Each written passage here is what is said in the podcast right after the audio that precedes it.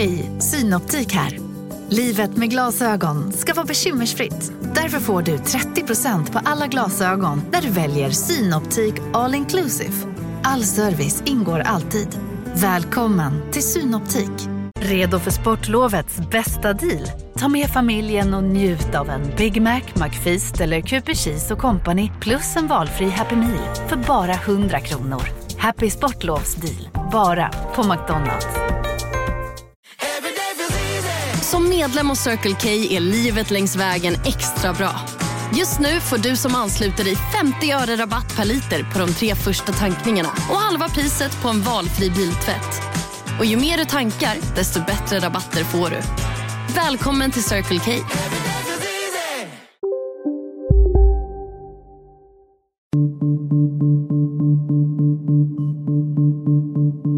Även om du borde få skydd i Sverige så får du inte det eh, på grund av terror, alltså rikets säkerhet eller eh, att du är krigsförbrytare. Har det antalet ärenden ökat där ni har fattat sådana beslut? Ja, det har, Har det ökat mycket? Ja, det har ökat kraftigt. Den svenska naiv naiviteten måste bort och jag tror att den håller på att försvinna i en allt hårdnande omvärld. Där finns fortfarande brister. Men att dra det till att säga att rättssäkerheten är i fara, det är ett väldigt långt hopp.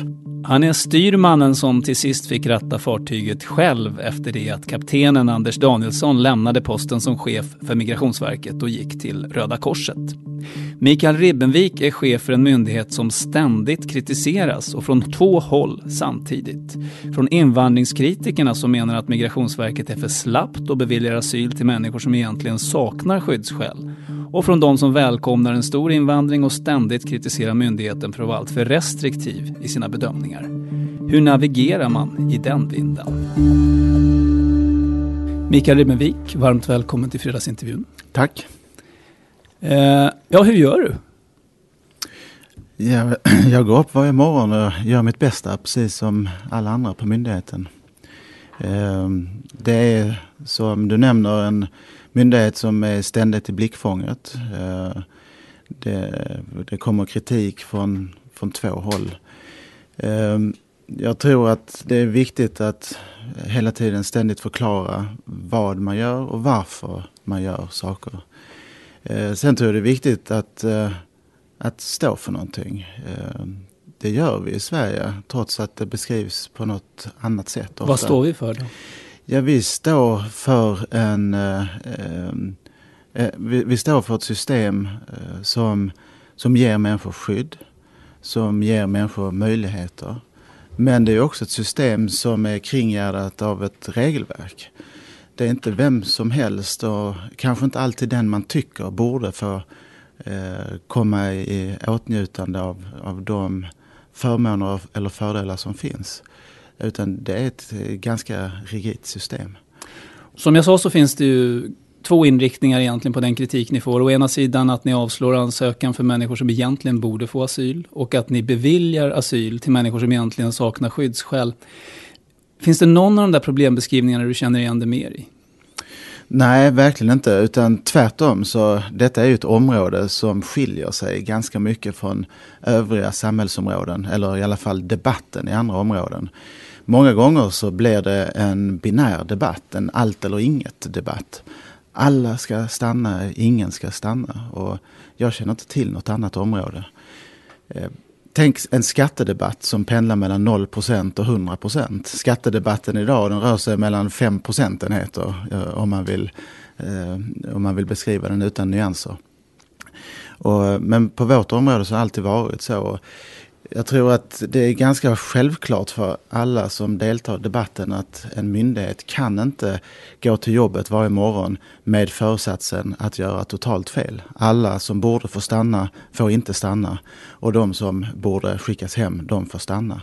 Det är inte utgångspunkten, givetvis. Ibland tänker jag när jag hör den här debatten att eh det behövs en vuxen person eh, och att de andra som debatterar på något sätt förhåller sig till den. Även om de som vill att många ska få stanna förstår intellektuellt att alla kan inte få asyl. Så argumenterar de om, som om så vore. Och likadant på andra sidan. Ingen ska få stanna låter det som på den andra sidan. Eh, fast det förstår nog också de att vissa har skyddsskäl. Eh, Känner du igen dig i det där? Att det måste finnas någon modererad person som just är vuxen, som är en slags pappa i den där debatten? Ja, om man tar bort orden vuxen och pappa så, mamma så, eller mamma så, så tror jag att myndigheten och mm, olika generaldirektörer genom åren och kanske även jag själv har försökt eh, vara den rösten. Men eftersom vi är part så hörs inte den rösten på det sättet utan det, det, är nog andra röster som måste till som inte har investerat någonting i retoriken. Saknar du de rösterna ibland? Ja, absolut. Det kan vara den eh, internationella rösten. Det kan vara rösten från akademin. Men den saknas. Men politikerna jag. tänker jag, det är ändå de som har satt upp regelverket som du ska följa. Ja, men jag tror den politiska nivån blir också part i detta. Jag tror inte att den politiska nivån kan stå utanför och bedöma eh, en myndighet till exempel. Det gör man ibland, men det tycker jag inte att man ska göra eh, som politiker. Utan man ska ta ansvar för sin del av eh, av systemet. Vi går till den prognos som ni presenterar idag. där framgår att ni nästa år väntar er mellan 17 och 30 000 asylsökande till Sverige under nästa år. Det är en eh, nivå som jämfört med toppåret 2015 då Sverige tog emot över 160 000 asylsökande är en ganska låg siffra. Eh, vilket är det främsta skälet till skillnaden mellan 2015 och nu? Vad har förändrats? Eh, det finns inte ett främsta skäl utan detta är en kombination. Nationella åtgärder, Sverige ändrar lagstiftningen. Eh, ett tag så var det ID-kontroll i Danmark, det är fortfarande gränskontroll. Men framförallt så är det på den europeiska nivån. Där där länder har vidtagit massa olika åtgärder, gränskontroller, eh, ändrad nationell lagstiftning som gör att det är svårare att ta sig hit. Hur viktigt är det Turkiet gjorde och i princip stängde till på europeisk begäran? Ja, det såg man där i, i, mars 16 att där, där ändrades ju siffrorna totalt så att den är ju avgörande. Eh, men sen har vi också centrala medelhavsrutten, det som händer i Libyen och Nordafrika. Så detta är ett komplext internationellt system så att det går inte att ta ut en fråga utan det är mm. kombinationen av dessa. Det beslut som fattades hösten 2015 beskrevs ju som EUs miniminivå. Eh, det var det politikerna sa att de ville lägga sig på. Eh, förra året kom samtidigt då nästan 27 000 asylsökande hit. Eh, hur hög är den siffran jämfört med andra EU-länder räknat i asylsökande per capita? Ja, nu har vi, vi, vi var ju nummer ett tidigare per capita och sjunkit ner till sjunde, åttonde plats. Det där ändrar sig hela tiden men vi har sjunkit ner eh, en del. Eh, sen är det ju inte bara lagstiftning som avgör som jag var inne på tidigare. Sverige har en stor diaspora. Eh, många människor söker sig till där man har landsmän och släktingar. Eh, så att även vilket land man helst önskar att komma till är också beroende av en, en hel del faktorer. Mm. Du sa sjunde, åttonde. Jag räknade också på det där och kom fram till eh, från oktober 2016 till oktober 2017. Då hamnar Sverige på sjunde plats med drygt 2000 asylsökande per miljon invånare. Och det är ju, eh, om det är EUs miniminivå, vad ska man då beskriva Slovakien som, som tar emot 25 000 asylsökande per miljon invånare, det vill säga en hundradel av vad vi gör? Miniminivån är, avser ju lagstiftningsnivån. Mm, men det, den syftar väl till att uppnå någon form av resultat, tänker jag. Ja, och lagstiftning är en del i det. Sen finns det ju länder som bedriver en aktiv eh, signalpolitik som säger kom inte hit. Eh, och det kan man göra på olika sätt, oftast genom politisk retorik. Eh, och många länder gör det. det verkar som det är effektivare än lagstiftning då, om man ska eh, ta det slovakiska exemplet till det, exempel. Det kan det vara. Sen har vi ju länder, främst i Östeuropa, men även i Sydeuropa, som inte har haft någon större invandring. Eller vi har grannländer som till exempel Finland som har haft väldigt liten invandring genom åren åren. Och det påverkar också då, då är det inte ett förstahandsval för anhöriga och andra landsmän. Så de länder som har tagit emot eh, relativt många tidigare, där är det mer sannolikt att man kommer att ha ett ökat tryck just på grund av att det är släktingar och att människor vet om att landet tar emot och så vidare? Ja, Eh, tillbaka till dagens prognos. Eh, nästa år, 2019, räknar ni med en liten ökning jämfört med i år. Då. Mellan 15 000 och 40 000 eh, är spannet ni använder. Vad bygger ni den prognosen på? Alltså var, varför tror ni på en ökning? Ja, den tillfälliga lagstiftning som vi har nu den löper ju ut i, i juli 2019. Samtidigt är detta svårt att spana in i framtiden för vi har också ett omfattande lagstiftningsarbete på den europeiska nivån. Och om de förslagen går igenom så som de ser ut idag, eh, ja då blir Sverige tvingade att följa dem och då blir det inte en återgång till den gamla lagstiftningen utan då blir det en övergång till den nya europeiska lagstiftningen. Och vad skulle det leda till så som det ser ut nu? En, en minskat tryck på Sverige eller ett ökat? Eh, jag tror att det skulle minska för att i de, förslag som finns som inte är färdigförhandlade så finns det till exempel eh, tidsbegränsade tillstånd. Vi hade som huvudregel permanenta tillstånd och eh, nu är det tidsbegränsade som huvudregel. Och går vi tillbaka till den gamla svenska lagen då blir det återigen permanenta. Eh, blir det en övergång till ny europeisk lag, då blir det tidsbegränsade. Men kan du, som har följt de här frågorna och arbetat med dem länge, kan du se ett scenario där vi faktiskt går tillbaka till den gamla? Visserligen säger Miljöpartiet det och sådär, men är det sannolikt? Jag tror det hänger mycket på den europeiska utvecklingen. Blir de här europeiska rätts, eh, rättsakterna färdigförhandlade före juli, då tror jag inte att vi går tillbaka. Eller då vet jag att vi inte går tillbaka. Men annars för, kanske? Eh, ja, jag har inte insikt i den politiska eh, frågan, så det vet jag inte. En ganska grundläggande fråga egentligen. De här uh, mellan 20 och 30 000 som, som kommer till Sverige nu, hur kommer de oftast hit? Alltså åker de genom Europa eller flyger de direkt hit någonstans ifrån? Eller vad, vad är det vanligaste? Det vanligaste ankomstorten nu är Arlanda, så det är mycket flyg. Intra-Schengen-flyg, att man till exempel flyger från Grekland eller Italien som är Schengenländer. Och det, om man har tagit sig in i Grekland till exempel så är det inget problem att ta sig vidare från Grekland då med flyg? Det är lite olika på olika flygbolag. Men vi har ju inte, alltså gränskontrollen som vi har i Sverige nu den är ju allt väsentligt eh, hamnarna i sy syd och, och bron. Mm. Så att det går ju att flyga till Sverige. Men, Men det, det, känns som att det borde inte riktigt funkar. Om de kommer till Grekland så ska de väl daktas där och, och söka asyl där egentligen? Ja, och det gör man också numera om man kommer via öarna. Men det finns också landpassager mellan Grekland och Turkiet där folk kommer. Eh, och sen har vi Italien där eh, eh många stiger i land och det där är inte ett hel, heltäckande system med fingeravtryck eh, fortfarande i Italien. Är Men det, det är mycket att, bättre än det var tidigare. Är det så att eh, det ligger i ingens intresse att de ska tas fingeravtryck på i Italien? Varken Italiens eller de asylsökande själva för att de kanske inte vill till Italien? Ja, så var det ju verkligen om vi går tillbaka några år, både i Grekland och Italien. Där, där vinkar man igenom. Ja, det finns inget annat ord för det. Så är det inte längre. Varför är det inte det? För jag såg siffrorna. Grekland och Italien de tar ju emot nästan på nivåer som vi gjorde 2015. Eller ja, ungefär. Ja, övriga EU-länder satte ju tryck på de här länderna och gav stöd eh, för att få systemen att fungera igen. Så att nu, nu fungerar de i stort sett. Eh, när många andra länder väldigt tydligt signalerar att de inte vill ha fler asylsökande, Danmark är ett aktuellt exempel. Eh, hur påverkar det människors benägenhet att sikta just hit till Sverige?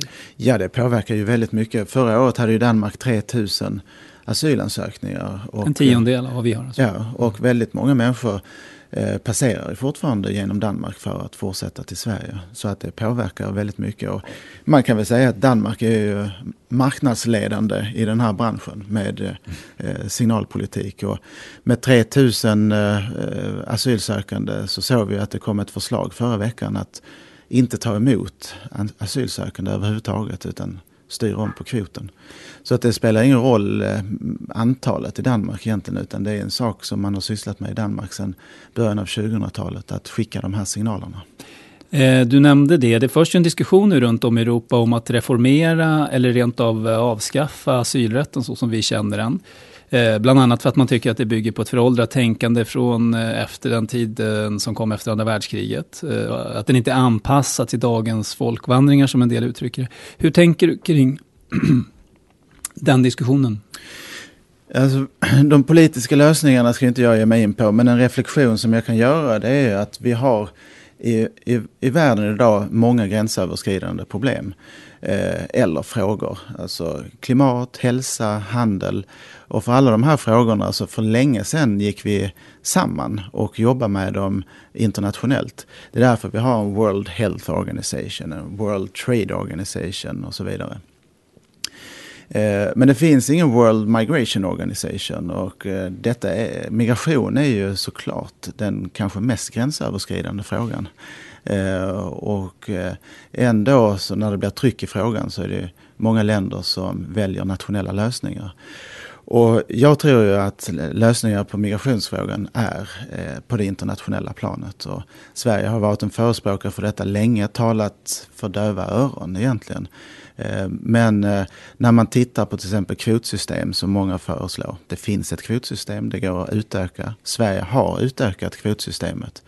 Eh, och hade övriga Europa varit på samma nivå som Sverige ja då hade vi kunnat ta 250-300 000 kvotflyktingar fördelat över Europa det hade gjort skillnad. På tal om eh, kvotsystemet så eh, såg jag i den här årsredovisningen att Sverige har varit som vanligt ganska duktiga då och uppfyllt sin sitt åtagande i det här omfördelningssystemet som man beslutade om 2015 när man skulle avlasta bland annat Grekland och Italien. För en lekman som tittar på det så känns det kanske lite konstigt att Sverige som så uppenbart har tagit större ansvar än nästan alla andra länder i hela Europa. Varför ska vi avlasta några andra länder och ta 3000 till? Den frågan får, får vi ju ofta eh, till oss. Men det handlar också om att Sverige under många år försökte driva den internationella frågan. Att lösa den här tillsammans. En trovärdighetsfråga. Ja, eh, det får man säga. Alla skulle vara med. Sen fanns det ju en, en avräkning för Sveriges del för att vi hade tagit så många. Så att vi, det var inte så många som vi skulle ta. Men Eh, vi gjorde det såklart. Svenska myndigheter gör det man ska. Eh, och eh, vi gjorde detta över några sommarmånader förra året. Sen har vi ju Östeuropa som har då konsekvent, eller många länder i Östeuropa som har valt att ställa sig utanför. Något som man inte kan ställa sig utanför. Mm. Men sen finns det ju andra eh, frågetecken kring detta. För att eh, grekerna aviserade också att man hade inte folk man kunde skicka. Vilket ju en ögonbrynshöjare. Får man säga. Mm. Eh, avslutningsvis när det gäller dagens prognos då, något som diskuteras eh, mycket nu är hur många anhöriga som kommer att komma till Sverige de närmaste åren. Enligt er prognos, om jag läst den rätt, så handlar det om omkring 200 000 ärenden som ska avgöras i år och de kommande tre åren.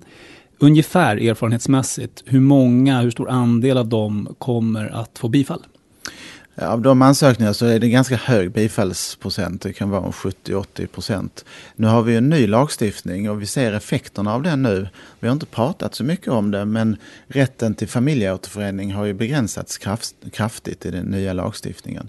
Och eh, vi förväntar, så här har vi kunnat ha ganska goda prognoser tidigare, men med helt ny lagstiftning så vet vi inte riktigt hur folk kommer att agera. Mm, men ändå, 100, eh, du sa 70-80 procent på 200 000 under de här uh, fyra åren då, det skulle innebära mellan 140 160 000 personer. Alltså jag gillar ju inte att ackumulera år. Jag tycker årssiffror är det vi brukar prata om. Så när man ja, jag läser fyra... er prognos bara. Ja, där, ja, där står ja. det så. Ja, precis. Mm. Eh, men det är också nedbrutet per år. Ja, i, oh ja. Ja visst. Så att eh, jag, jag tycker alltid det är bättre att prata om eh, varje år. Men det är det, som, det är det vi kan se nu. Men den prognosen är lite osäkrare än vanligt när det gäller anhöriginvandring. Men en fråga som ofta reses i samband med detta är ju vars, vad ska de jobba med och var ska de bo? Eh, vad tänker du om den frågeställningen eh, givet hur det ser ut i Sverige just nu? Det är en jättebra fråga som eh, jag och Migrationsverket ofta får. Det totalt stumma och tråkiga svaret det är ju att det är inte vårt uppdrag. Och eh, följdfrågan brukar vara då, men ni måste ju ta ansvar för det som ni släpper in, så brukar den formuleras. Och eh, nej, det är verkligen inte så, utan vårt uppdrag är ju att säga ja eller nej till ansökningar på de kriterier som gäller. Och eh, eh, själva integrationsfrågan som följer på det, naturligtvis, är en fråga som Migrationsverket inte disponerar. Mm. Och som vi inte heller får låta oss påverkas av, utan har man rätt till skydd eller tillstånd på annan grund så ska man få det. Och har man inte det så ska man inte få det. Och den blandar vi ofta ihop. Jag skulle tro att majoriteten av de brev jag får handlar om personer som man anser är välintegrerade. Spelar innebandylaget, talar svenska, borde få stanna på grund av det. Och det får vi inte Eh, det, det styr inte eh, till exempel asylfrågan. Och omvänt, eh, när man säger men hur ska vi klara detta? Det, det är för många människor som kommer, vi klarar inte jobb och bostad vi får inte säga nej på den grunden heller. Borde kan... det spela roll tycker du? Hur, hur pass väl integrerad en person är i svenska samhället? Man kan ju tänka sig olika måttstockar om man blir dömd för brott eller om man klarar svenska för invandrarkursen eller så. Ja, det, det, gör det till viss del. Alltså även om du får ett uh, uppehållstillstånd eller till och med ett permanent uppehållstillstånd så kan du utvisas på grund av brott. Mm. Uh, alltså, begår du grov brottslighet så kan du utvisas trots det. Det är bara medborgare som inte kan utvisas. Uh, och å andra sidan personer som har blivit integrerade eller anpassade som det står i lagen eh, har en möjlighet att få stanna på den grunden. Men den är kraftfullt begränsad i den nya lagstiftningen. Mm. Det fanns större möjligheter till det tidigare. Eh, jag tänkte byta ämne, delvis i alla fall, och prata lite tillbaka. Eh, att vi backar till den där kaotiska sommaren och hösten 2015. Nu när du, eh, antar jag, har fått lite distans till det som hände då. Eh, vad var det egentligen som hände? Ja, det var ett skeende som, som eskalerade eh, bortom eh, alla myndighe eh, europeiska myndigheters kontroll egentligen. Eh, det var någonting som hade hänt tidigare, men inte i den skalan. Så det var egentligen omfattningen av det hela. Men var det som en del eh, då sa, att eh, liksom, lidandet i världen är plötsligt så mycket större och, och krigen så mycket grymmare, att nu kommer en flyktingvåg? Eller var det andra skäl som gjorde att det skedde just när det skedde? Ja, det var helt andra skäl. Konflikten i Syrien hade ju pågått i, i fyra år då. Och, eh, det var miljontals människor runt Syrien som hade flytt för flera år sedan. Så att ja, det var ju flera saker som påverkade detta. Turkiets agerande, Greklands agerande, många staters agerande längs vägen. Eh, om man kommer ihåg så var vissa länder som höll gränserna stod vid stängslet bokstavligen talat. Ungern till exempel? Ja, det började väl egentligen Makedonien, mm. eh, Grekland, Makedonien. Och sen blev trycket för hårt och sen så börjar vissa länder inse, men vänta vi är ju inte destinationsländer, vi är ju transitländer. Och då körde man fram bussarna och tåget istället. Vart vill ni åka? Åk norrut. Och, eh, så, och detta händer ju även i Sverige. Vi ska inte, alltså, eh, det var ju väldigt många människor som transiterade genom Sverige på sin väg till Finland och Norge under mm. de månaderna. Så mm. detta hände egentligen Eh, över alla länder. Men för att förstå då, eh, det som framförallt påverkade detta var att gränserna blev öppna. Från att ha varit eh, svårt svårt att resa så blev det mycket lättare att komma till Europa. Var det det som var den utlösande faktorn? Ja, alltså man har talat om fortet Europa länge och det har ju inte funnits på det sättet. Va? Man får bilder av liksom Atlantvallen och så här. Utan det har ju sett likadant ut. Men jag skulle vilja säga att det var folk som synade bluffen och eh, istället för att åka gömda på lastbilsflak så vandrar man på motorvägarna och myndigheterna mm. kunde inte hantera antalet människor. Så det var bara att fortsätta att gå. När märkte du att inflödet av asylsökande höll på att bli för stort för vad svenska mottagningssystemet klarade av? Eller märkte du det? Ja, alltså egentligen, här får man backa bandet. Jag säger ibland, eh, minns ni flyktingkrisen 2014? Och blir snabbt rättad. Nej, det var 15. Ja, detta börjar ju långt innan och redan 14 hade vi en situation som motsvarar Balkankrisen. 80-90 000? 92, 92, 1992 kom det 84 000 och 2014 kom det 81. Så vi mm. hade en Balkankris. Den gick obemärkt förbi. Eh, och det var för att vi hanterade situationen utan att det, det märktes i samhället. Året efter var det då motsvarande två Balkankriser ovanpå varandra. Så de två åren kom det alltså en kvarts miljon asylsökande. Så att när vi gick in i den här hösten 15 så var våra resurser egentligen redan uttömda. Sen skaffade vi fram 64 000 boendeplatser de månaderna. Och jag vet inte hur vi gjorde det. Vi jobbade dygnet runt. Vi jobbade mot ett mål. Vi satte på sky skygglapparna. Vi var extremt eh, brutala eh, gentemot kommuner. Vi fick mycket kritik för det och den var rätt, den eh, kritiken. Och samtidigt, nöden har ingen lag. Så vi löste uppgiften, vi var fokuserade. Och sen såg vi väl hela tiden att eftersom det ökar med tusen eh, personer per vecka, toppveckan 11 000 så skulle det ju inte hålla om man pratar om det mottagningssystem som vi disponerar. Så att det kunde man nog säga tidigt. Sa du ifrån eller kontaktade du politikerna och sa, berättade att det här kommer inte gå? Ja, alltså den där är jätteintressant den frågan för det blir lite så här Okej hörni, gänget! Vad är vårt motto? Allt är inte som du tror! Nej, allt är inte alltid som du tror. Nu täcker vårt nät 99,3 procent av Sveriges befolkning baserat på röstteckning och folkbokföringsadress. Ta reda på mer på 3.se eller i din 3-butik. Big Mac har miljarder fans över hela världen. Under mer än 50 år har den skapat popkulturell historia. En legend med 100% nötkött och den mytomspunna såsen. Nu finns Big Mac för bara 39 kronor på McDonalds.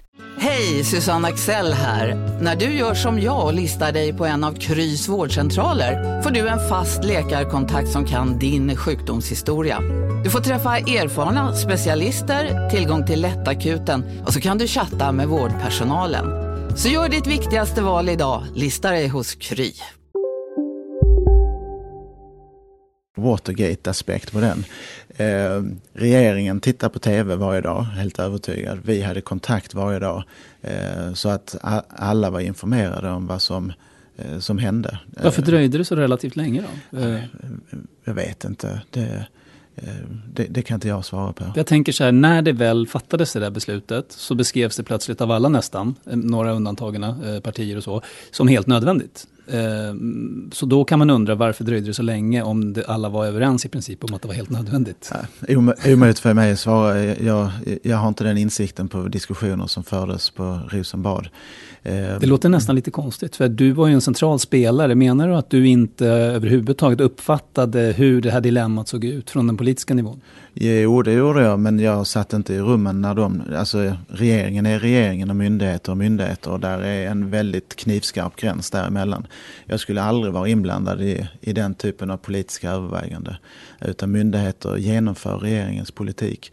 Däremot ska ju myndighet hela tiden hålla sin regering informerad om vad man ser och vad som händer. Och det, det gjorde vi. Och där känner du inte att du hade kunnat göra mer eller varit tydligare? Eh, absolut inte. Vi mm. var väldigt tydliga med, med det. Och dessutom så tog jag ju ett beslut där som, eh, som gjorde riktigt ont. Och det var ju Eh, en lördag i november där eh, eh, så detta var ju inte matematik. Många ville göra det till matematik. Men frågan är liksom hur många madrasser kan man ha i korridorerna? Och till slut så, så tog jag beslutet att nu går det inte längre. Och då tackade vi ju nej till personer som inte fick ett boende över natten. Och det blev ju ett par hundra personer under några dygn som inte fick plats i systemet. Som fick sova ute eller hitta någonting annat? Ja, det var en kyrka i Malmö som öppnade sina dörrar eh, som vi är tacksamma för. Eh, å andra sidan sett så hade vi haft en dialog med många organisationer under de senaste åren om just detta. Så Eh, vi hade en värmestuga. Några valde att lägga sig på, utanför vår dörr. Då la vi ut madrasser fast utomhus. Så att detta blev... Men, men vi kom ju... Vi började komma ikapp där igen. Och, eh, så att detta var några dygn. Men nej, vi löste inte uppgiften längre där.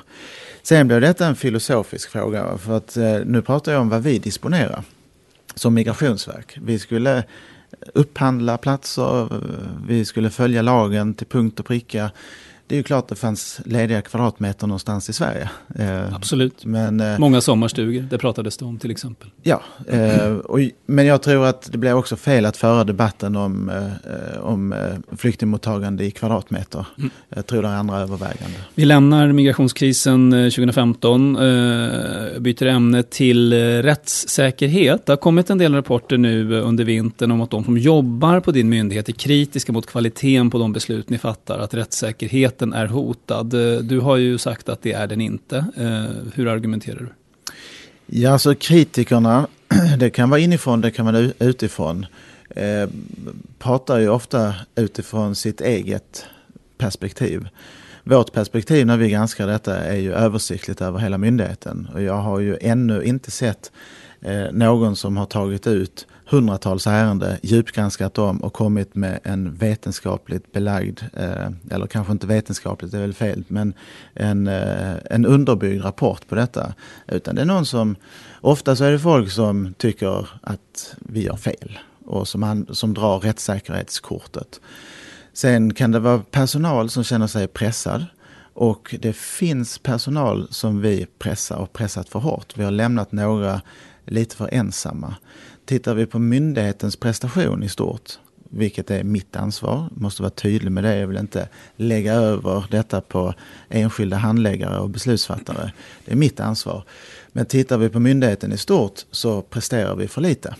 Ni, det är för få avgjorda ärenden? Ja, vi, förra året så gjorde vi färre än vi gjorde året innan. Och tittar vi historiskt så har vi, har vi gått ner. Så vi gör färre ärenden nu än vi, vi gjorde tidigare. Därför är jag inte helt med på kopplingen där att nu gör vi så många ärenden så att rättssäkerheten är i fara. Vi Nej. gör tyvärr färre och det är någonting som är viktigt i vår prognos här att när vi går framåt nu så tack vare det arbetet vi har gjort de senaste åren. Vi har faktiskt fattat en kvarts miljon beslut på tre år. Det kom en kvarts miljon på två år, det tog tre år att fatta de besluten. Det måste vi vara stolta över. Eh, men... Jag tänkte borra lite ändå i just den här kritiken. Eh, det finns ju en del statistik som tyder på att kvaliteten på era beslut har försämrats. Jag kan dra tre punkter här. Andelen beslut där domstolen ändrar er bedömning har ökat med 60 procent, från 5 procent av besluten till 8 procent. Ett annat kvalitetsmått är de så kallade återförvisningarna, det vill säga ärenden som domstolarna skickar tillbaka till er. När det gäller ensamkommande unga så har andelen tredubblats från 6 till 18 procent. Och chefrådmannen för migrationsdomstolen i Malmö gick nyligen ut och sa att kvaliteten på asylutredningarna har försämrat, eh, försämrats de senaste åren. Tar du inget intryck av eh, både kritiken och de här siffrorna? Eh, jo, jag tar många intryck av, av kritiken. Det är därför vi gör våra egna granskningar och det är därför jag kan säga med så stort förtroende att vi har en bra kvalitet för vi granskar detta. Om vi börjar bakifrån. Ja, rådmannen i Malmö eh, ger uttryck för sin Eh, upplevelse och det måste väl baseras på de ärenden som hon har avgjort eller att hon har pratat med kollegor. Eh, men mig veterligen så har hon inte gjort en omfattande undersökning så som vi gör.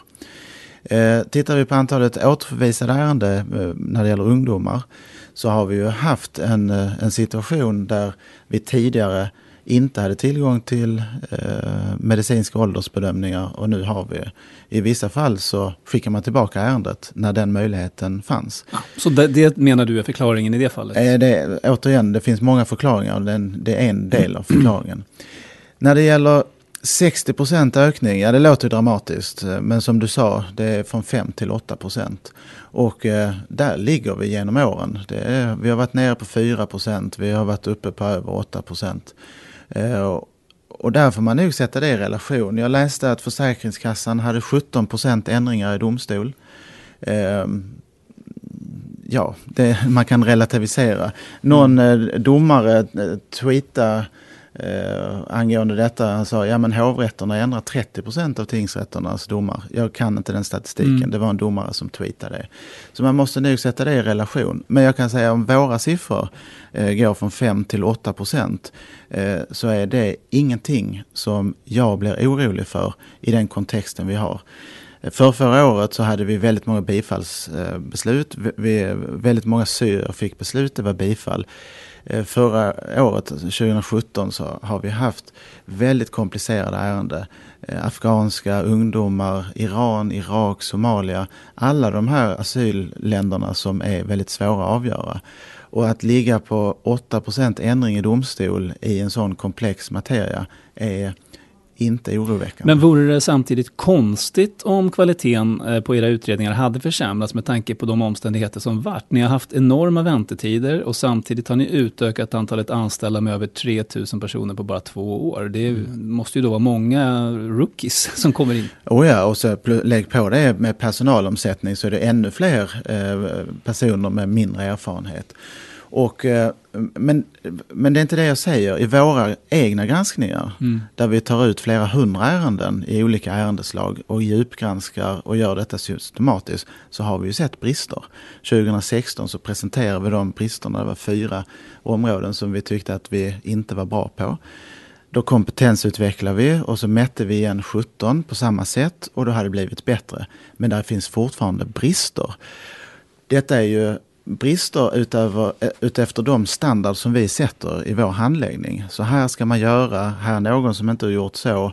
Det, men att dra det till att säga att rättssäkerheten är i fara, det är ett väldigt långt hopp.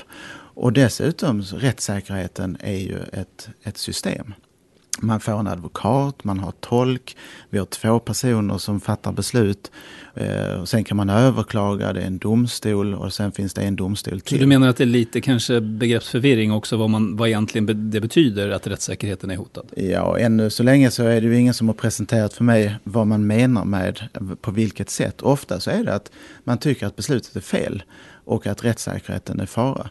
Eh, rättssäkerheten har också diskuterats utifrån metodval eh, på Rättsmedicinalverket. Eh, det finns många element i detta. Men eh, mig veterligen finns det ingen systematisk undersökning förutom våra egna. Okej, vi lämnar det. Eh, nu har vi pratat en stund om den kritik som riktas mot er från de som tycker att ni låter för få stanna. vad gäller kritiken från andra hållet då, att ni låter för många stanna trots att de egentligen inte har riktiga asylskäl. Hur ställer du dig till den? För det första så det, det finns marginaler i detta. och det finns personer som inte har asylskäl som får stanna i Sverige. För att ni hellre friar än fällar så att säga? För att vi hellre friar än fäller, fäller eh, men också att folk eh, ljuger och mm. att myndigheter inte detekterar det det inträffar, så är det. Så har det alltid varit. En uppgift som förekommer relativt ofta i debatten, som inte jag har sett beläggas på något tydligt sätt, är att människor som har sökt skydd här relativt ofta reser tillbaka till det land som de sökt skydd från. För att exempelvis åka på semester eller träffa släkt och vänner och så. Är det så? Ligger det något i de uppgifterna? Det, det finns eh, exempel på det, det finns det. Och Eh, får vi veta det så, eh, så kan det ju inverka på ärendet. Alltså även Men, om de har fått uppehållstillstånd så skulle ni kunna dra tillbaka det då? Alltså om de drar på semester till ja, samma land? Ja, visst. Men hur, hur mycket kontrollerar ni det där? Är det någonting ni har någon metod för att upptäcka? Eller? Nej, eftersom vi inte har den datan så är det svårt att upptäcka. Ofta så är det på med tips. Mm. De som inte har pass, som inte presenterar ett pass för oss som får uppehållstillstånd kan ju få ett främlingspass. Det gäller inte för hemresa till hemlandet. Eh, så att man kan inte åka på det. Så i så fall så handlar det om personer som har haft ett pass och som har gömt det. Då kan det också handla om en helt annan identitet. Mm. Men detta har vi ju, eh, eftersom världen ser ut som den gör så har vi fått ägna mycket resurser åt det här de senaste åren som vi inte gjorde tidigare. Världen har blivit farligare. Eh, utan att stigmatisera asylsökande så ser vi ändå att det är fler och fler kombatanter från olika konfliktområden som, som blandar sig i asyl, eh, bland asylresenärer. Hur upptäcker ni dem? Dels så har vi ett, ett fördjupat samarbete med Säkerhetspolisen sedan några år. Jag tog initiativ till det för tre år sedan och vi har utvecklat det här samarbetet på mycket fint sätt. Jag skulle nu vilja säga att det är ett av de bästa exemplen på myndighetssamverkan i Sverige. Eh, och det säger jag helt ovetenskapligt och mm. subjektivt. Men det är väldigt bra och vi har höjt vår förmåga här. Sen gör vi ju en exklusionsutredning i, i asylärenden numera. Och det betyder att finns det skäl, även om du borde få skydd i Sverige så får du inte det eh, på grund av terror, alltså rikets säkerhet eller eh, att du är krigsförbrytare. Har det antalet ärenden ökat där ja. ni har fattat som beslut? Ja, det har, har det ökat, mycket? Ja, det har ökat kraftigt. Mm. Eh, det, det, är väldigt många sådana ärenden. Och vad händer med de personerna då, då? Tas de i förvar eller får de leva öppet i samhället medan de väntar på avvisning eller hur funkar det? Ja, det, det är olika och det är ju Säkerhetspolisens eh, bekymmer för eftersom det är många människor så kan man ju inte ha dygnet runt bevakning och sen finns det olika grader i detta eh, såklart. Men för vår del så handlar det om, och det är också en liten paradox som vi kritiseras för. En person som har ett skyddsbehov men som inte får det tillgodosett på grund av att man exkluderar personen på grund av terror, terror eller krigsförbrytelser. Eh, fick ju då tidigare eh, ett, ett utvisningsbeslut. Men sen kan det inte verkställas ofta för att man riskerar dödsstraff i hemlandet. Och vi skickar ingen till dödsstraff. Det är absolut förbjudet. Och då har man istället fått ett tidsbegränsat tillstånd. Nu kände jag att det var lite stötande eftersom vanliga asylsökande får tidsbegränsade tillstånd och en, eh, en sån här person, en krigsförbrytare eller en terrormisstänkt, också skulle få ett uppehållstillstånd och ett svenskt främlingspass och pensionspoäng och tillgång till hela det svenska systemet. Det kändes stötande. Så i sommar så fattade jag ett antal vägledande beslut där de får inte uppehållstillstånd det är fortfarande inte så att vi skickar någon till dödsstraff utan man får bara anstånd med verkställigheten. Och var, var, hur lever de i, i, väntan på det? Försörjer svenska skattebetalare de människorna? Bor de i förvar eller bor de fritt? Eller hur funkar det? Nej, de, eh, alltså finns det ett, eh, finns ett åtal så är man ju frihetsberövad men de flesta eh, får ju ingenting då. Mm. Och vi och Säkerhetspolisen diskuterar ju detta.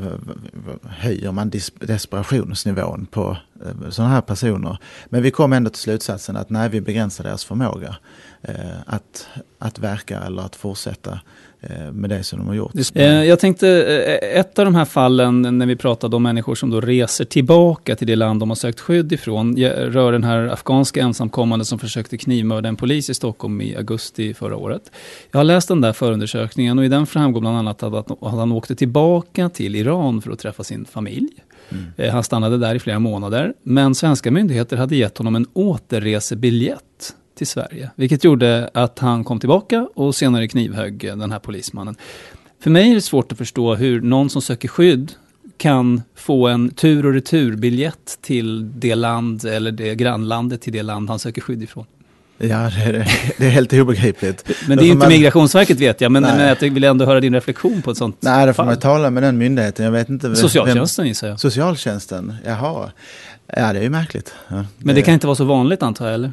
Nej, jag har aldrig hört talas om det. Jag visste inte om det i det här fallet heller. Jo, är. Eh, nu är det ju så här med, många afghanska pojkar har ju levt i Iran då och eh, växt upp där. Mm.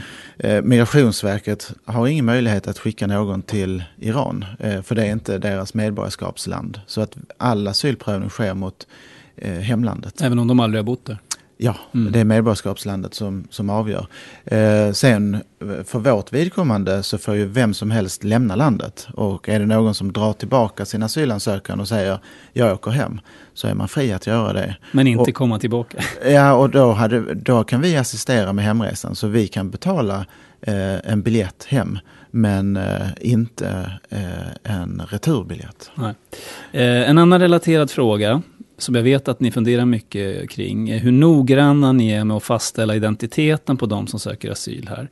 Hur vanligt är det att ni faktiskt inte vet med hundraprocentig säkerhet vem ni har beviljat asyl? Ja, det är väldigt vanligt. Det är ju det vanligaste exemplet. Eftersom i asylrätten så, så räcker det att du gör din identitet sannolik. Inte styrkt. Nej, det är alla andra tillståndslag så måste du styrka identiteten. Väldigt många eh, presenterar inga handlingar. Eh, men man kan säga så här, om du tillhör en grupp där du förväntar dig att få ett uppehållstillstånd, till exempel en syrier som kommer hit kan ju med 99% säkerhet förvänta sig att få asyl i Sverige. I den gruppen så presenterar man väldigt många handlingar, till och med hemlandspass. Eh, andra grupper som inte alls kan förvänta sig att få asyl, har inte, eh, jag generaliserar här såklart, men har eh, inget incitament och eh, visar väldigt få handlingar för oss. I asylrätten så blir det ju oftast viktigast med nationalitet. Vilket land ska vi pröva den här personen mot? Vissa uppger att det kan vara någon som kommer från ett grannland som säger jag är från Syrien. Ehm, och då har vi olika metoder att tillgå. Man kan göra en språkanalys. Ibland så ger den ett, ett ganska starkt utslag, ibland är den helt värdelös. Ehm, man kan prata med personer om kunskapsfrågor så att man förstår att den här personen kommer från det landet. Men i vissa regioner så är detta väldigt svårt. Så mm. i många fall så vet vi inte. Men är det riktigt tillfredsställande då att vi, eh, in, vi ger skydd till och eh, ger försörjning till, i alla fall i början, eh, till människor som vi inte vet vilka de är? Nej, det är inte alls tillfredsställande. Men vänd på frågan och tänk dig dissidenten som har flytt från säkerhetstjänsten och flyr över bergen. Eh, och inte det, få med sig sina identitetshandlingar? Nej, och eh, kanske aldrig hade ett pass. Och skulle han gå in på passexpeditionen och skaffa det först innan flykten. Så att Men hur, ärligt talat, hur vanligt är det, är inte alls vanligt. relativt den andra gruppen som, som skippar att ta med sig identitetshandlingar för att de tror att det kan försämra deras chans till asyl? Nej, det är inte vanligt alls. Nej. Eh, men det är grunden i asylrätten. Så det är för den dissidentens skull som alla de andra inte behöver styrka sin identitet utan bara göra den sannolik? Nu var jag lite stark i retoriken. Det är inte bara vara dissidenten. Va? Nej, nej, men, det var men ett du har exempel. rätt i att eh, det är ju färre personer som, eh, som har den eh, utgångspunkten än andra. Mm. Så är det. Men, men det är, så har det alltid varit och vissa länder har laborerat med detta och sagt om du inte tar fram eh, dina identitetshandlingar så kommer vi inte pröva din ansökan. Eh, det, det bryter mot flyktingkonventionen. Eh, så här får man jobba med andra sätt. Mm. Vi försöker höja vår förmåga när det gäller, vi har, vi har sett att i våra granskningar att vi har haft brister i det här arbetet. Vi försöker höja vår förmåga, jobba tillsammans med polisen.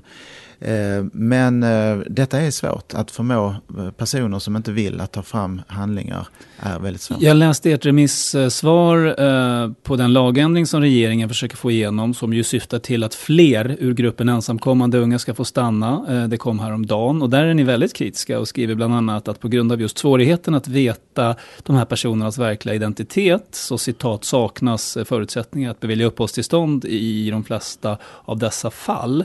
Betyder det att lagen blir ett slag i luften om den skulle genomföras så som förslaget ser ut nu? Ja, det här är väldigt viktigt så att man inte inger falska förhoppningar. Jag tycker det är mycket viktigt för en myndighet att eh, med den expertis som vi har, vi, vi har ju eh, några av de främsta eh, migrationsjuristerna i Sverige såklart som jobbar hos oss och deras kunskap är viktig. Och det är viktigt att hålla isär här, som jag sa, asylsökande, då kan man acceptera eh, enligt eh, lag och praxis eh, att identiteten görs endast sannolikt. Men alla andra tillstånd, studier, arbete, anhörig, så ska du i huvudsak styrka din Och det här rör identitet. inte skyddsbehov ut egentligen utan studier då? Det är studier och då är det ett annat typ av tillstånd och enligt svensk praxis och hittillsvarande lag så räcker, eller då måste man ha styrkt. Så för att få det här inte. att funka så skulle man behöva ändra beviskraven då vad gäller identiteten även för studier? Ja, det är det vi menar och vi tror ju också att personer som inte har lyckats göra sin identitet sannolik i asylprocessen kommer ju ha väldigt svårt att styrka den i en annan process. Det kan ju vara så att personer har ett pass som man inte har tagit fram och plötsligt visar det och styrker det.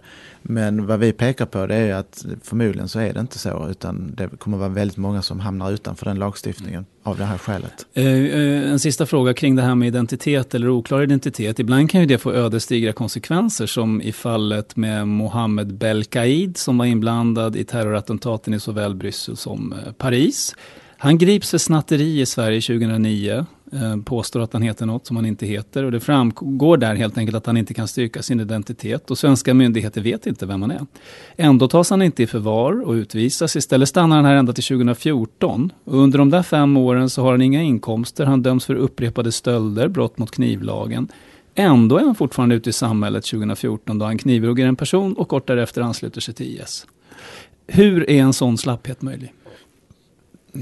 Ja, det, där kände jag att en stor fråga ramlade över mig. För jag tror att den, den ligger nog på många plan. Ja, men det, Men, det eh, börjar ju med att vi, vi släpper in en person som vi inte vet vem det är. Det är det.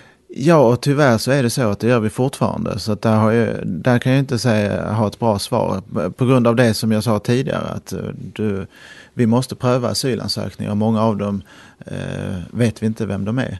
Jag tror, om man ska säga övergripande på detta, så tror jag att det har funnits en naivitet i vårt samhälle. Det, det tror jag. Eh, och vi har inte sett eh, de mörka sidorna här.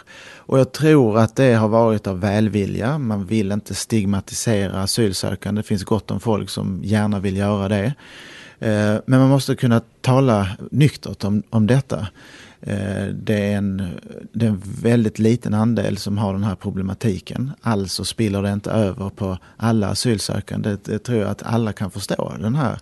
Eh, och samtidigt så måste man titta på de personer som vi inte alls vill ha i vårt samhälle.